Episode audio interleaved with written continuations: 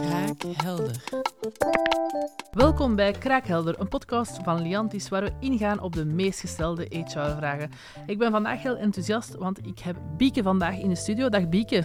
Dag Inge, goedemiddag. Goedemiddag. Kan je jezelf even voorstellen voor onze luisteraars en kijkers?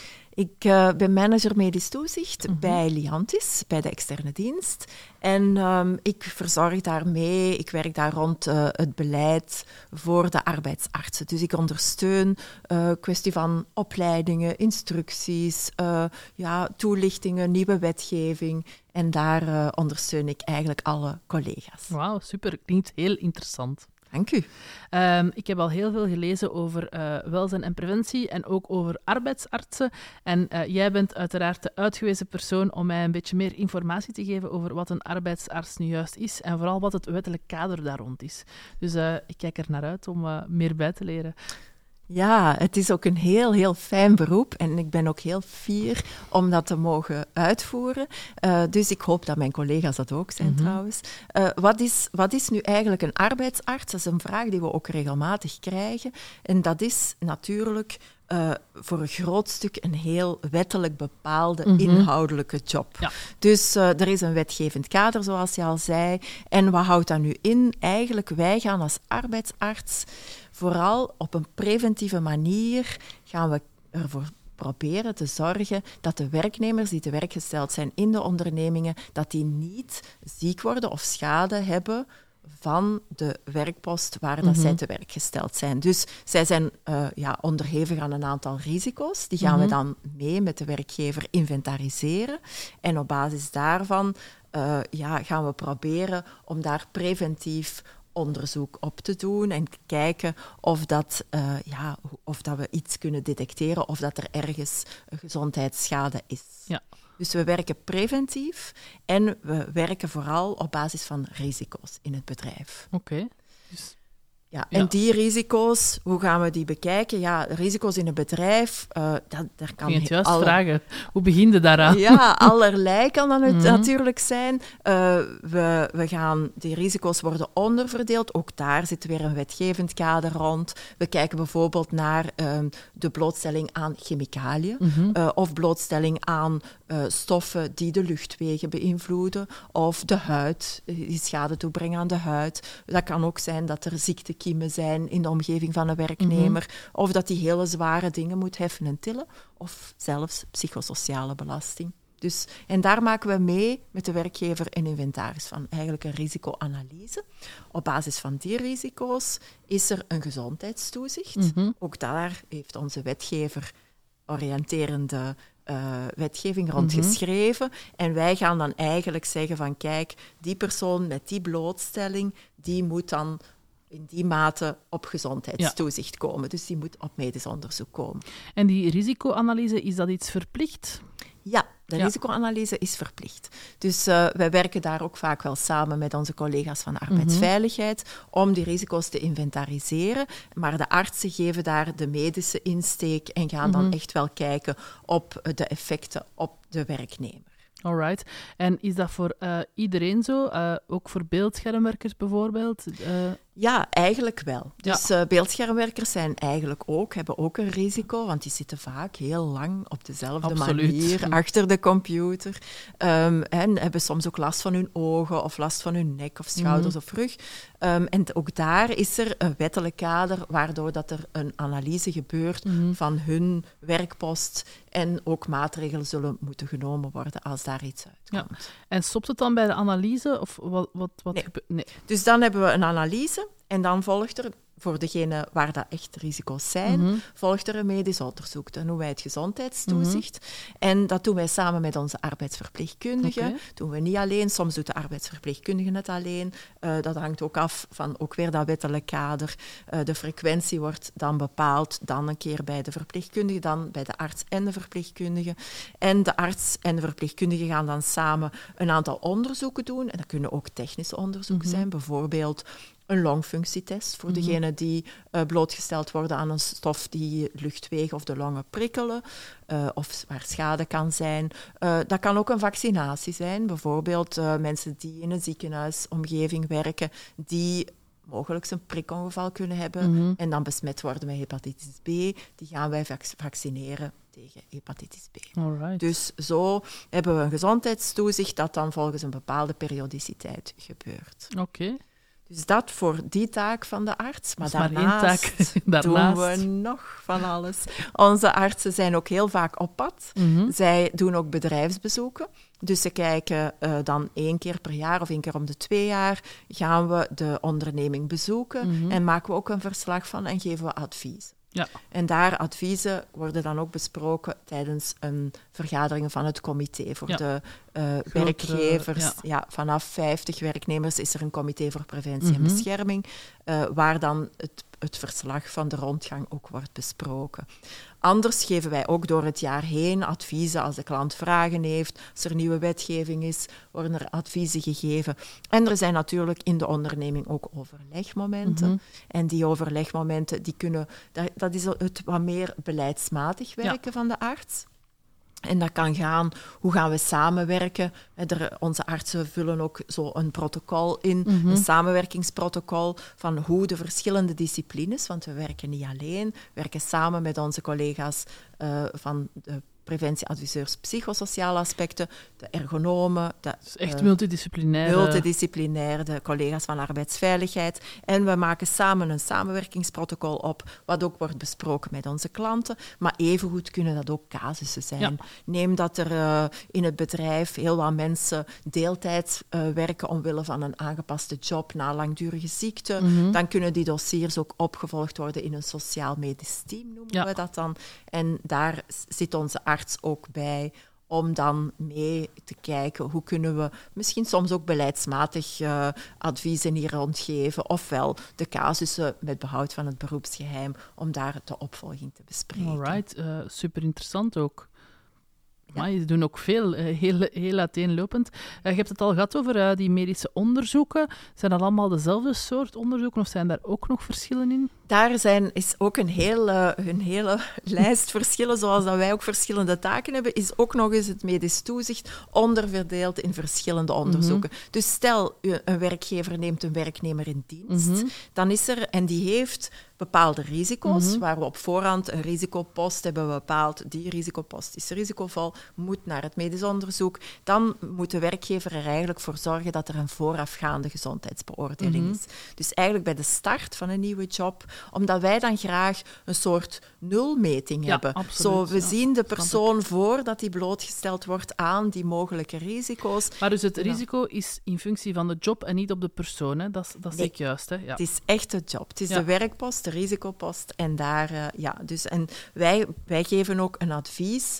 Eh, wij schrijven dat neer op het formulier voor Mhm. gezondheidsbeoordeling. En op dat advies is ook gericht op de werkpost die er van boven dan staat. En bij iemand in een voorafgaande gezondheidsbeoordeling is dat dan de werkpost die voorgesteld wordt. Dus dan is Ja. dat eigenlijk zo wettelijk gezien. Want dat is is wel het groot verschil natuurlijk. Hier werk je echt op postniveau, terwijl eh, andere artsen op, op niveau van patiënt werken. Ja, eh, ja, Ja, oké. ja, ook. Ja, dat is zo. En dan als we de voorafgaande gezondheid, gezondheidsbeoordeling, na, ja, dan komen de mensen Mhm. periodiek terug. En dan noemen we gewoon de periodieke gezondheidsbeoordeling. Samen met ook weer, eh, we doen al die onderzoeken samen met onze arbeidsverpleegkundigen.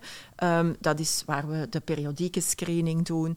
En dan hebben we eigenlijk nog een spontane raadpleging. Mhm. En dat is belangrijk om toch te vermelden, omdat we spreken heel veel over die mensen die risico's Mhm. hebben, die periodiek bij de arbeidsarts komen.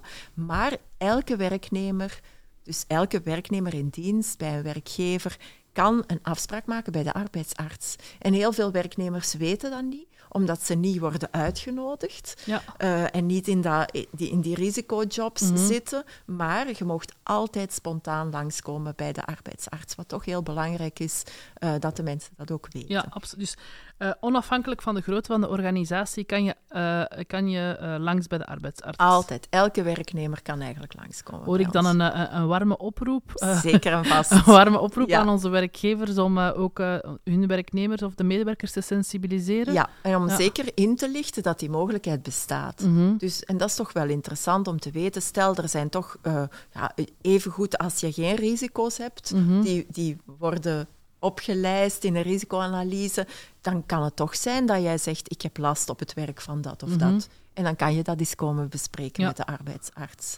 Dus dat kan ook. Super interessant. Ja. Zijn er nog eh, bijvoorbeeld, ik, ik, eh, eh, een voorbeeld waar ik nu spontaan aan denk is, ik heb een collega die, die net zwanger is. Zijn dat ook momenten waar jullie in ondersteunen of wat, wat, wat dat jullie dan Ja. doen? Of? Een belangrijke taak trouwens hè, Mhm. Voor onze arbeidsartsen. Dat is in het kader van moederschapsbescherming. Mhm. En daar geven wij ook adviezen. En dan, ons, advies, ons advies is daar trouwens bindend. Mhm. Dus als wij iemand verwijderen op het moment dat ze zwanger zijn, dan moet de werkgever daaraan tegemoetkomen. Oké, Dus hij kan dan meekijken. We gaan dat nu natuurlijk niet. We gaan daar eh, tuurlijk. In, in- eh, in, in overleg gaan en we gaan kijken wat de mogelijkheden zijn. Maar ook als er een aangepaste job wordt voorgesteld, dan gaat de arbeidsarts ook meekijken. Is die job dan wel, wel veilig Ja. voor eh, de mama en de, de, ja, de zwangere mama? Ook nadien, voor als eh, de, de mama's die borstvoeding geven, ook daar wordt die analyse voor gedaan. Wat doen we dan? Eigenlijk gaan we preventief in het bedrijf kijken. Mhm. eh, wat zijn de mogelijke werkposten waar, als er iemand zwanger zou zijn, waar we al moeten ingrijpen, zodat de werkgever en de werknemers dat ook weten. Ja. Als ik daar werk, moet ik eigenlijk onmiddellijk stoppen, langs de arbeidsarts gaan en dan wordt er al dan niet gekeken voor een aangepaste job. Alright. Dus we werken daar wel liefst ook preventief, om niet te wachten totdat ze al blootgesteld eventueel zijn, dan zwanger zijn Ja. en, eh, en dat we dan moeten zeggen, ho, Ja. En is dat hetzelfde voor andere kwetsbare groepen eh, binnen organisaties? Ja, ik denk dat we, we werken heel... Ik denk dat kwetsbare groepen voor de arbeidsarts een belangrijke groep zijn Mhm. om, om altijd aandacht aan te besteden. Dus dat kan zijn mensen met beperkingen, maar dat kunnen ook mensen zijn in de sociale context, hè, gelijk eh, uitzendmedewerkers die vaak in, met toch wel een, een ander pad Ja. hebben en, en daar misschien wat extra ondersteuning. Dus de kwetsbare groepen bekijken we ook zo. Maar je hebt ook natuurlijk mensen met een, met een onderliggende aandoening Mhm. of zo. Wij doen als arbeidsarts nooit aan selectie, Mhm. maar wij gaan wel kijken hoe kunnen we ervoor zorgen dat die persoon op dat werk geen bijkomende schade Ja. heeft. Dus we gaan dan die persoon in die context bekijken. We gaan niet selecteren, maar we gaan wel mee bewaken dat die met die die onderliggende pathologie ja. toch ook gewoon op een veilige en gezonde manier kan werken.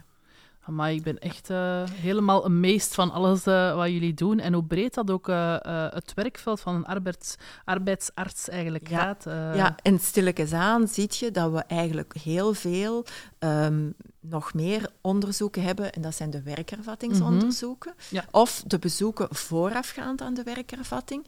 En daar, eh, dat is ook echt een heel belangrijk onderzoek. Ik denk dat de artsen daar ook heel graag Mhm. mee eh, ingezet worden, daar in hun bedrijven, dat zij mee kunnen kijken wat zijn de mogelijkheden voor iemand die terug aan het werk gaat. Mhm. Of dat dan nu iemand is die een gebroken been heeft gehad, of iemand die met een burn-out heeft thuisgezeten. Ik denk het belang van dat onderzoek is echt heel, heel, heel hoog. Ja. En de impact en de, de, ja, we kunnen daar echt ondersteunen. Ja. En in, in overleg gaan, bijvoorbeeld met de behandelend arts, maar ook met leidinggevende of werkgever, om te kijken naar de mogelijkheden. Want we hebben daar een wettelijk kader gekregen, eind 2022, nog een aanpassing bij de reïntegratieonderzoeken. Mhm. En we hebben de, ehm, de onderzoeken rond de medische overmacht, Mhm. waar toch heel wat rond te doen is. Maar wij geloven als arbeidsarts heel hard in dat bezoek voorafgaand Ja. aan de werkervatting, waar dat we de mensen die stilletjes aan toch, eh, toch nadenken om terug het werk te hervatten, Mhm. al eens een keer bij ons te zien, om de mogelijkheden te gaan exploreren bij de werkgever. En ik denk dat daar ook de toekomst zit van onze artsen, om daar echt wel mee in te begeleiden, om daar ook een advies te geven en dat werkgevers ook ten rade komen Ja. bij ons als ze beleidsmatig daar ook rond willen werken. Want zie ik het ehm, fout of juist als ik eh, kijk naar het, het beroep van arbeidsarts, dat dat toch ook in een evolutie zit? Als je nu kijkt naar... ja, we, bespreken hier in de podcast ook eh, topics zoals burn-out en eh, psychosociale eh, problematieken, laat het mij zo stellen. Zie je dat ook meer in de, in- bij de arbeidsartsen, dat zij daarin gevraagd worden om te ondersteunen, zowel bij ja, herintegratie Ja. als... eh, ja. Ja, zeker en vast. Dus die dossiers zijn zeker en vast ook mee bij de mensen die we dan ook nadien opvolgen. De arbeidsarts volgt dan vaak ook de, de persoon na de reïntegratie ook terug op. Dus dat die periodiek nog eens een keer langskomen, totdat uh, de arts het gevoel heeft van Ja, die zijn teruggelanceerd. En, Ja. eh, En kan een werkgever ook eh, beroep doen op een arbeidsarts voor een, bijvoorbeeld een medewerker die terug in dienst komt na een langdurige ziekte? Of is het enkel op afroep van de, van de medewerker? nee, het is de werkgever. Eigenlijk is de werkgever verplicht ja? om iedereen die meer dan vier weken afwezig is geweest en die risico's Mhm. heeft op het werk, om die altijd op een werkervattingsonderzoek te sturen. Dus daar ook een warme oproep om dat te doen, ja. omdat we dan ook een beetje preventief kunnen kijken, is het wel haalbaar Ja. dat ze het werk ervatten en moeten we toch niet kijken voor eventueel een zekere aanpassing. Weet ook, als voor de werkgevers toch misschien belangrijk, er zijn ook eh, vanuit de VDAB heel wat werkstellingsondersteunende Mhm. maatregelen, waar wij als arbeidsarts ook mee kunnen faciliteren dat die, ehm, ja, die ondersteuning en die extra, soms wel financiële ondersteuning Mhm. ook, dat die tot bij de werkgever komen. All right. Heel veel bijgeleerd. Dank u wel daarvoor. Graag gedaan. Rest er mij alleen nog maar jullie te bedanken. eh, en als jullie nog info wensen, surf dan zeker naar liantis.be slash kraakhelder of volg ons op ons Instagram-kanaal kraakhelder.podcast. Tot volgende keer. Kraakhelder.